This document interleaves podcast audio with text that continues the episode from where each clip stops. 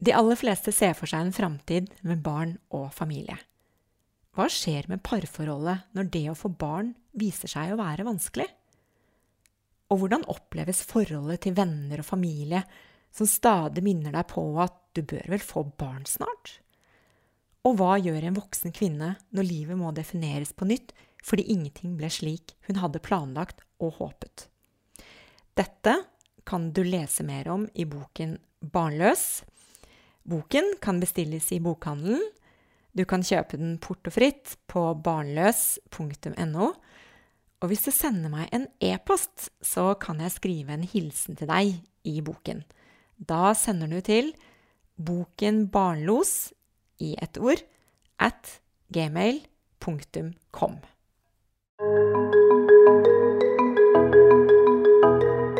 Dette er en podkast om barnløshet. Jeg ønsker å finne svar på hvorfor temaet er så viktig for oss. Jeg vil grave frem fakta på området, og ikke minst dele de viktige historiene bak. Jeg er Cecilie Hoksmark, og mitt mål er større åpenhet. Så da ønsker jeg velkommen til deg, Katrine Aspaas. Tusen takk. Og um, en liten uh, førerinformasjon om deg, da, det er at uh, du bor i Oslo. Er 53 år, og du er singel, og du bor alene. Ja. Og vanligvis så pleier jo ikke jeg å introdusere folk liksom, akkurat med det, da. Men i denne sammenhengen så tenker jeg at det er et poeng. Og det skal vi komme tilbake til. Tidligere så var du eh, kommentator og lederskribent i Aftenposten. Og du er eh, siviløkonom av bakgrunn. Og vi gikk en tur før dette intervjuet, og da spurte jeg deg hvordan har det vært å bytte beite? Mm.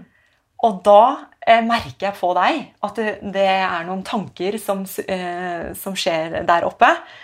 Og du kommer fram til at kanskje du egentlig nødvendigvis ikke har byttet beite. Eh, og jeg vil gjerne at du skal fortelle oss om det du gjør nå. Og det står jo da raushet med store bokstaver. Og det må du fortelle oss om. Uh, altså, det å bytte beite Jeg føler jeg har utvida beita. Uh, beite er samfunn, beite er mennesker, beite er hvordan vi mennesker behandler oss sjøl, og hvordan vi behandler hverandre.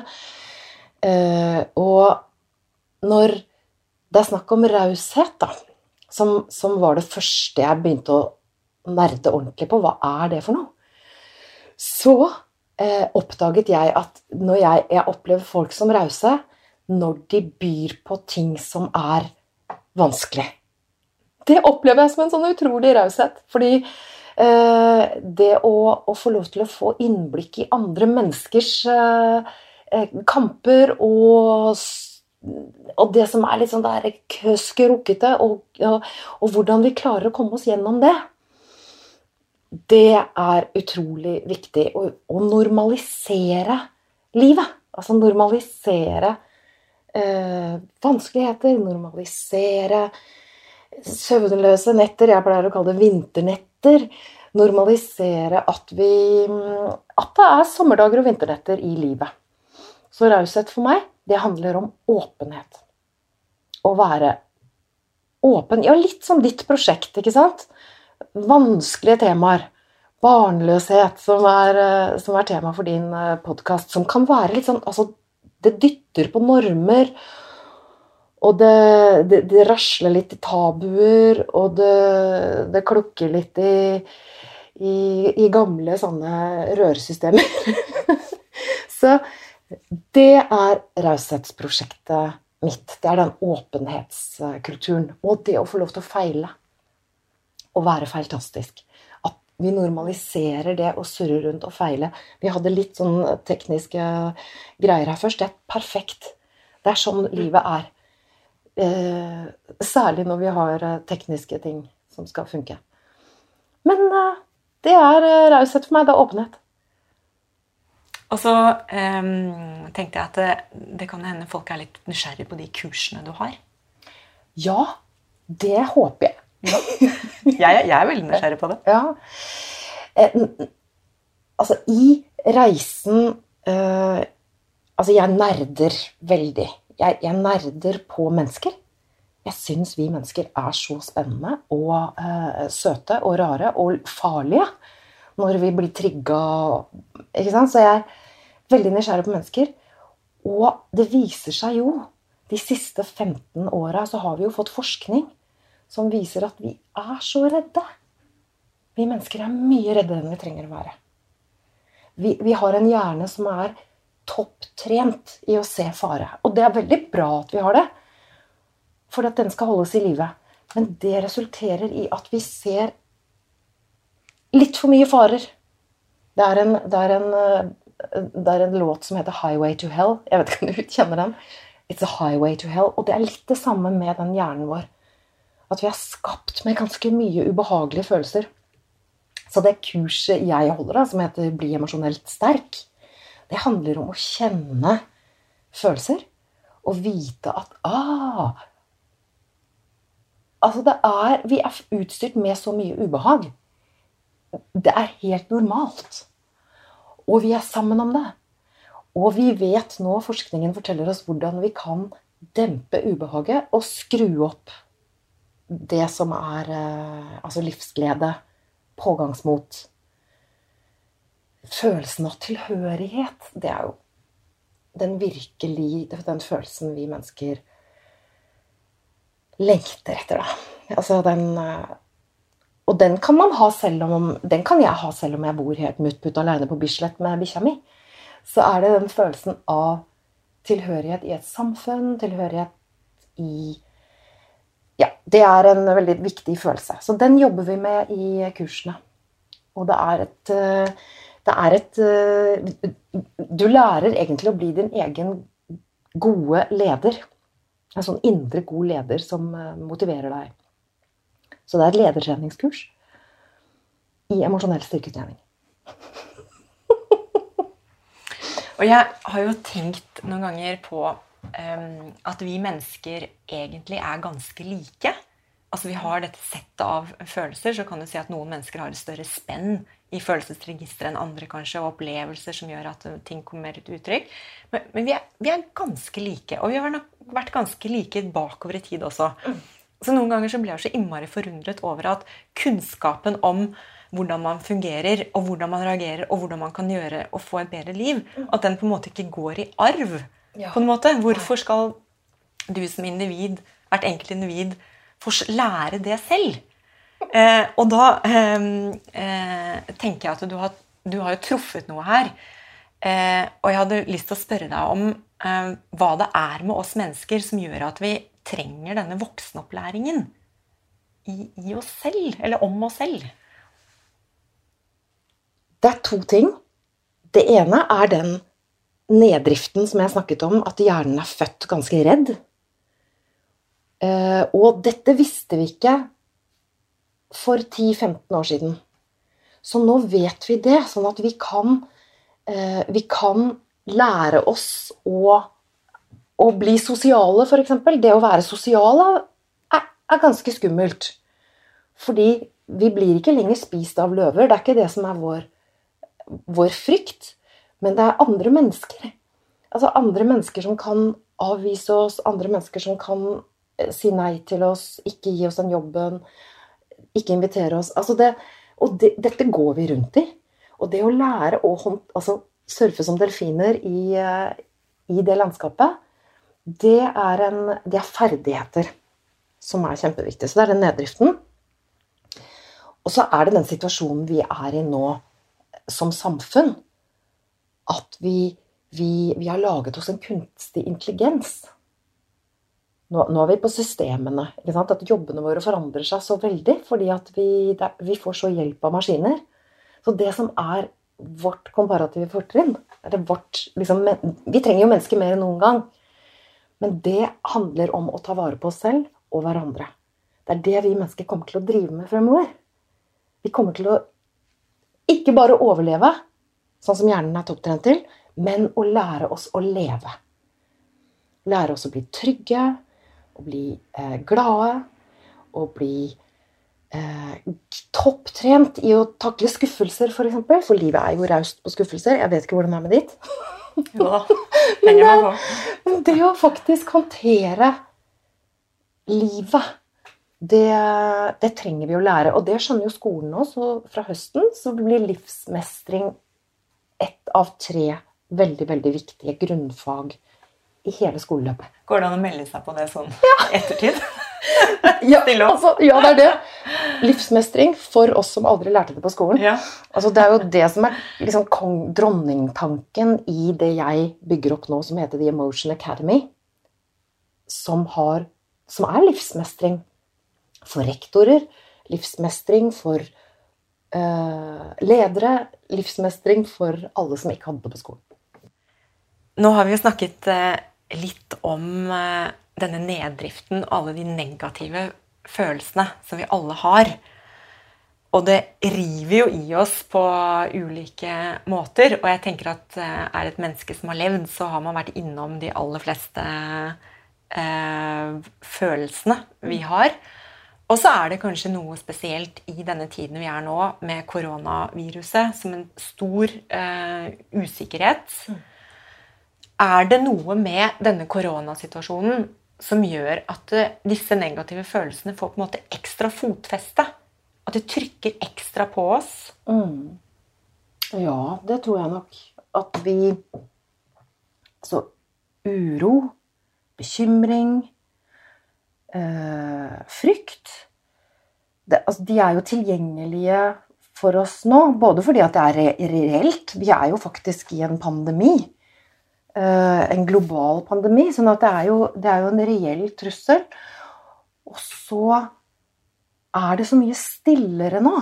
Det er så stille rundt oss. Det er så lite distraksjon Altså det er mindre distraksjon enn det har vært før. Og da begynner hjernen å si ifra at her er det noe fare på ferde. Men det som er så viktig, er at vi vet at vi er ikke alene om det. At dette er biologi. Det er ikke noe gærent med oss. Ikke sant? Det er ikke noe gærent med deg som hører på, eller altså oss som, som mennesker. Vi, det er bare evolusjon. At vi, vi, har så lett tilgjengelig disse ubehagelige følelsene. Og jo mer vi er klar over det, og jo mer vi vet hva vi kan gjøre med det sammen, jo bedre rusta er vi. Så det er det som er min sånn drivkraft, at jeg ønsker at folk skal virkelig få det bra med seg sjøl og med andre. For altså, det er så Det er så godt å se. Folk som virkelig tar eierskap til sine egne følelser og eierskap til sine egne historier og sine egne vinternetter og sine egne sommerdager. Og, og skjønner at wow, for en rikdom av erfaring du sitter på. Jeg sitter på. Vi sitter på alle sammen. Uh, og de, den erfaringen der blir viktigere og viktigere i arbeidslivet fremover. Det blir viktigere enn karakterer. Hvorfor tror du det har presset seg fram nå, de tankene? Hva er det som har skjedd? Åh, det er en megatrend eh, i retning av eh, relasjon. Fra revisjon og tall og ikke sant? Så Da jeg lærte økonomi på 80-tallet, så var det tall som var økonomi. Nå er det mennesker som er økonomi. Nå er det forvaltning av kunnskap, av, eh, av ideer, av det å finne på ting. Altså det viktigste vi har altså jeg, jeg, ser for meg alle de som uh, hører på. Det viktigste vi har som mennesker, det er det vi forvalta da vi var 14 år. 12 år. Da vi var på vårt aller mest sånn nysgjerrige og det var ikke noe lett tid å være 14-12 år heller. Jeg, det, det, er ikke det, men jeg, det, det, er en stor bevegelse da, i, uh, i, arbeidslivet i retning av mennesket. Myke ferdigheter.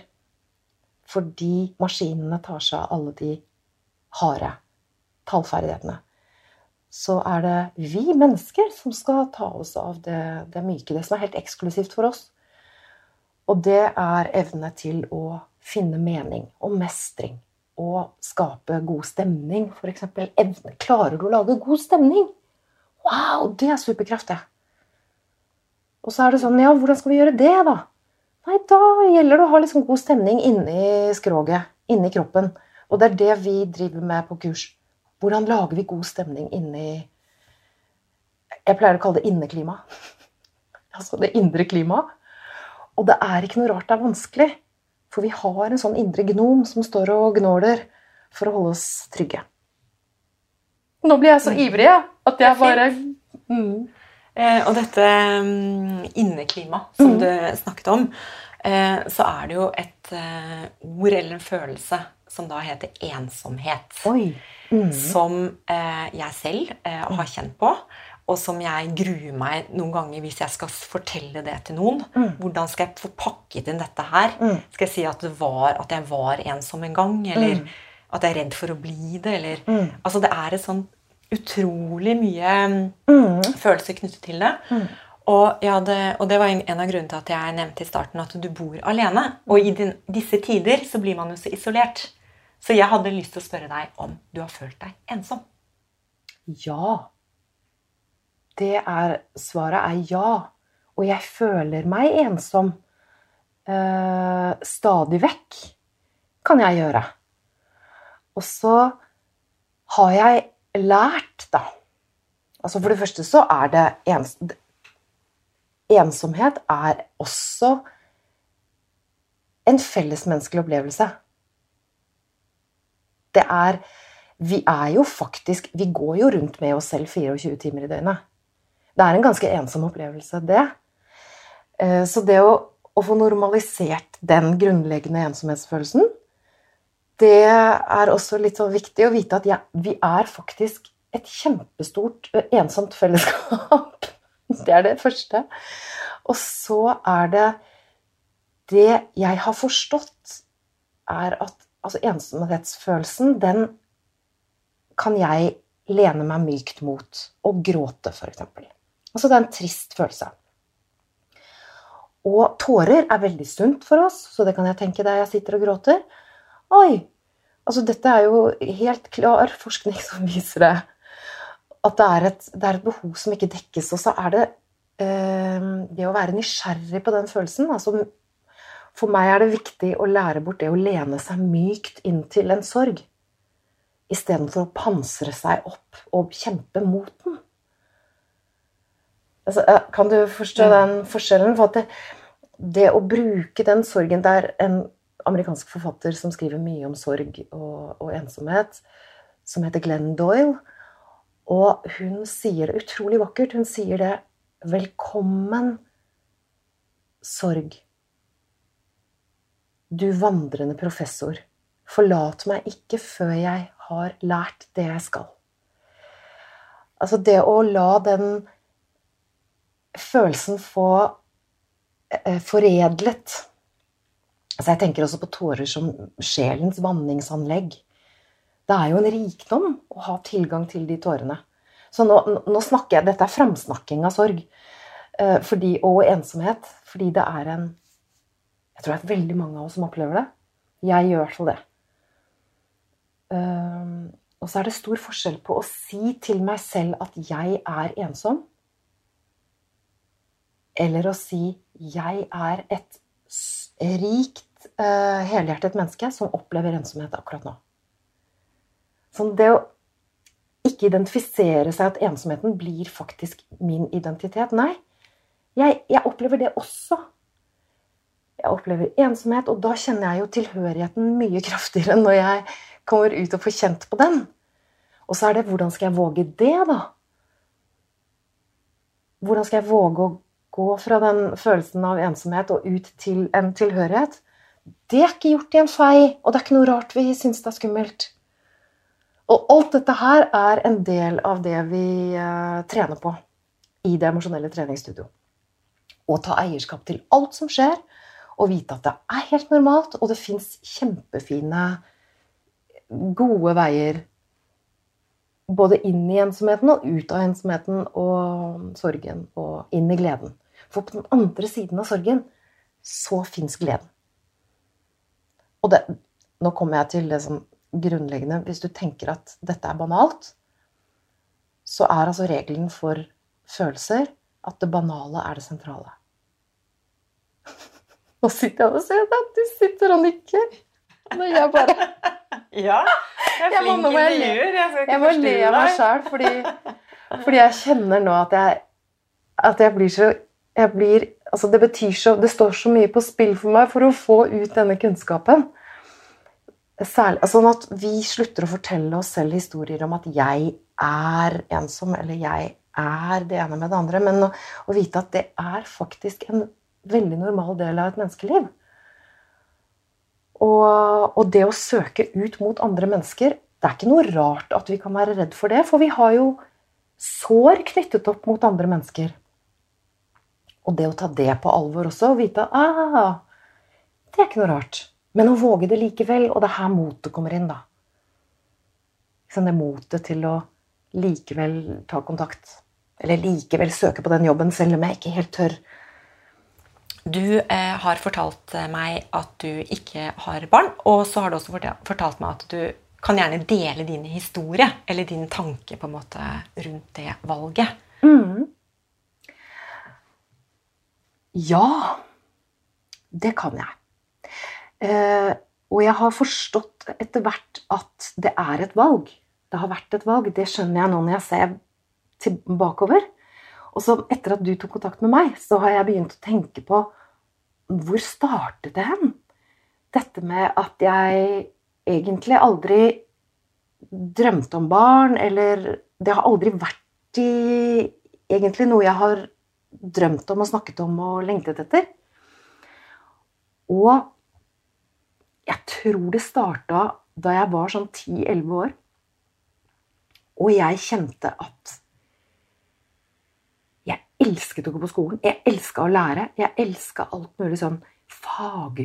Jeg var en sånn skikkelig fagnerd, altså. Altså Fra jeg var bitte liten, og også med musikk. Så musikk som uttrykksform har alltid vært veldig viktig.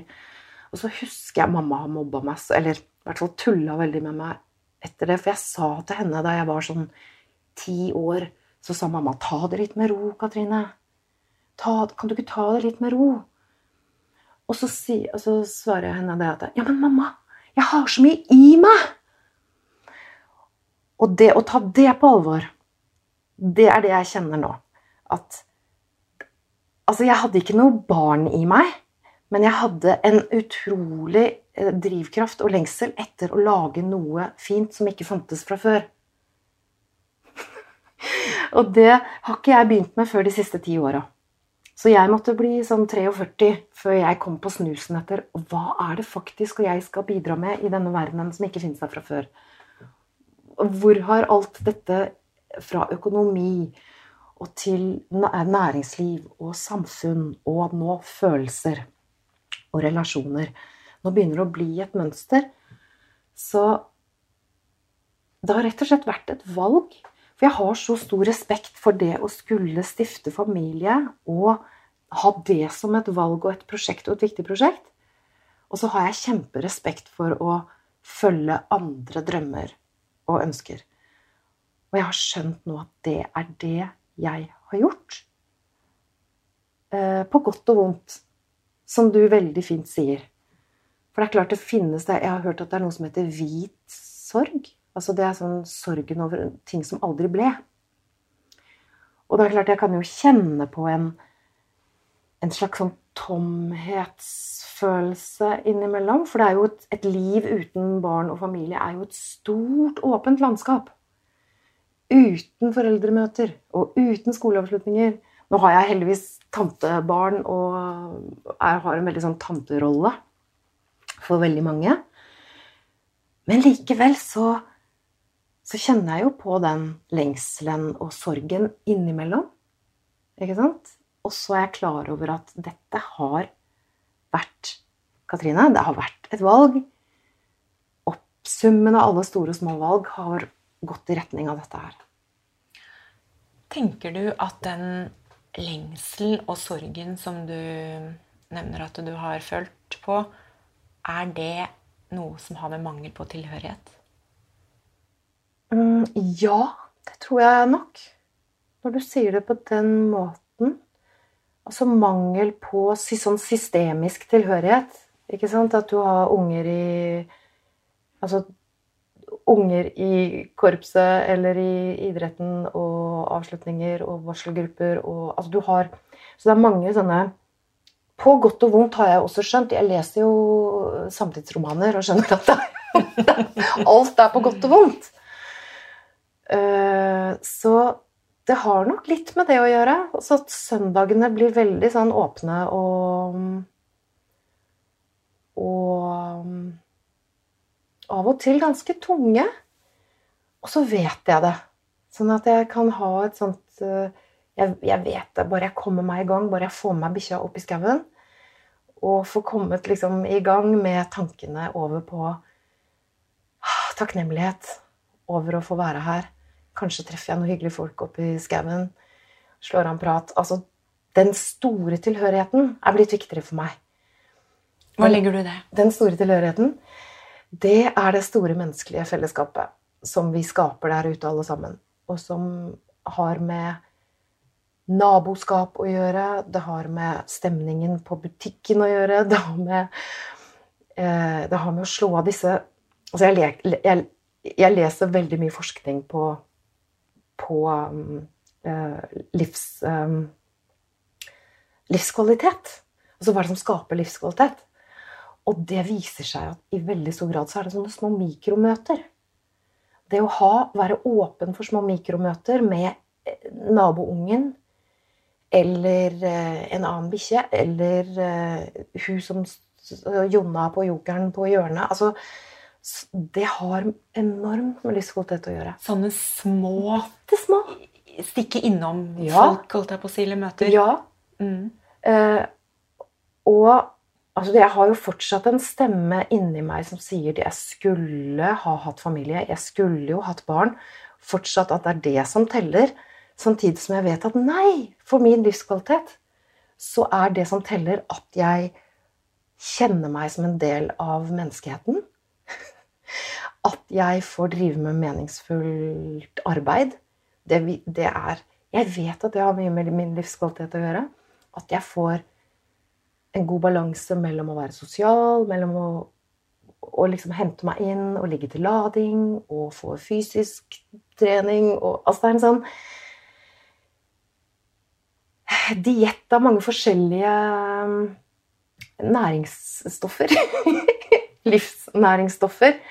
Som jeg elsker å lære bort til andre. Hvis det gir mening at, at dette er så ny kunnskap. Dette, at vi, vi, trenger å få lært den i litt sånn bred skala. Så ja, tilhørigheten jeg er veldig tilhenger av den tilhørigheten som, eh, som, oppstår i et fellesskap av mennesker som ikke eier hverandre, men som et naboskap eller et um, Også familie, selvfølgelig. Nå har vi vært innom neddrift og de litt vonde følelsene som, vi, som kanskje blir forsterket i disse dager. Så jeg tenker at vi må få en skikkelig oppdrift på slutten. Eh, så du må heie litt på oss, mm. og du må eh, Kanskje du skal hjelpe oss til å skjønne at jo da, vi har muligheten til å kunne dra oss selv opp og føle på denne oppdriften. Mm. Så mm, hva, vil, hva, vil, du si til oss? Oh. Det som er det aller, aller viktigste, det er å snakke til deg selv som en du er glad i. Altså Røkte dette inneklimaet som veldig ofte er fylt av gnafs og gnufs og, og, og, bekymring. Og det er ikke noe rart, for vi har den neddriften som vi har snakket om. Så si til deg selv denne setningen her når du kjenner den Hvis du kjenner på ensomhet eller sorg eller usikkerhet eller bekymring, så sier du det er ikke noe rart at jeg kjenner på dette nå. Den setningen der. Det er ikke noe rart at jeg er usikker. Det er ikke noe rart jeg kan være redd for jobben. Det er ikke noe rart hvis du opplever bekymring. Den setningen der, ha den på repeat. Hver gang det kommer noe gnafs. Og så er det neste skritt det er å vite at du er ikke alene. Overalt nå. Og sånn er det jo alltid. Altså overalt. Dette er det fellesmenneskelige, tilhørighetsbiten. Overalt så er det mennesker som har akkurat de samme opplevelsene. Så vær grei der ute òg. Ikke sant? Søk blikkontakt. Smil. Eh, plutselig får du et smil tilbake. Eh, om folk ikke smiler, så er det ikke fordi Det er ikke noe gærent med deg. Men, men det er å ta med seg Det er ikke noe rart at folk ute tar med den, det indre klimaet ut. Og så er det Kan jeg komme med tre? Mm. Du får tre. For den siste det er, det er ikke noe rart vi har det sånn. Over hele verden så er det folk som har det sånn. Og den tredje, det er praktiser takknemlighet. Altså det er det mest effektive oppdriftsaktiviteten vi kan drive med. Og da tenker jeg på når bekymringståka kommer, så se om du kan si Det er ikke noe rart at jeg har det sånn. Og jeg kan praktisere takknemlighet. Så da praktiserer jeg takknemlighet for teen. Takk for denne teen. Takk for at du lager denne podkasten. Nå, nå, bare pøser jeg på med det jeg kom på i øyeblikket. Takk for deg som hører på takk for at hunden min, som ligger på gulvet her, har fast avføring. Altså, unnskyld på sånn Takk for at luften er klarere over Oslo nå. Altså, litt sånn oppdriften av koronaen også. Takk for at jeg opplever i hvert fall at vi mennesker er nærere nå. Naboene mine tar mye, mye mer kontakt eh, nå. Og ungene er ute og leker. Altså, så pøs på med takknemlighet der du får det til. Små og store ting. Små og store ting. Takk for at det er vår og ikke oktober-november nå i en pandemi. Takk for at jeg har en seng å sove i. Altså, vi er på det nivået der sånn. Og takk for all forskningen på følelser. Det driver jeg og pøser på med. At dette er faktisk noe nå som, som modige mennesker og professorer og forskere denne takknemlighetstreningen, f.eks., er det noen som har oppdaget at den skaper godt inneklima. Og det er så banalt. Nå er vi tilbake til det banale er det sentrale. Har du lyst til å himle med øya, eh, så er ikke det noe rart. Fordi det bryter så um, Det bryter så veldig med det vi er opplært til at det komplekse er det sentrale. At det intellektuelle har verdi, og det emosjonelle har veldig lav verdi. Nå er det i ferd med å snu seg. Men det er bare at reglene for det emosjonelle er litt annerledes enn for det intellektuelle. Så snakk pent til deg sjøl. Altså vær din egen Det er vanskelig for oss å være vår egen gode venn, men da siterer jeg hun, eh, en veldig morsom komiker som heter Trine Lise Olsen Trine Lise Olsen hun er fra Nord-Norge, og hun sier det at 'snakk til deg sjøl som til en middels god venninne'. det er garantert bedre enn det du driver med i dag. Den var fantastisk. Skal vi si tusen Nå er jeg takknemlig for den kommentaren fra Trine Lise. Og så syns jeg det passer fint eh, å takke deg for intervjuet. Mm. Og for de kloke ordene til oss. Jeg kjenner på glede her jeg sitter nå, så jeg er bare veldig takknemlig for at jeg får lov til å være med. Og veldig takknemlig for de som hører på.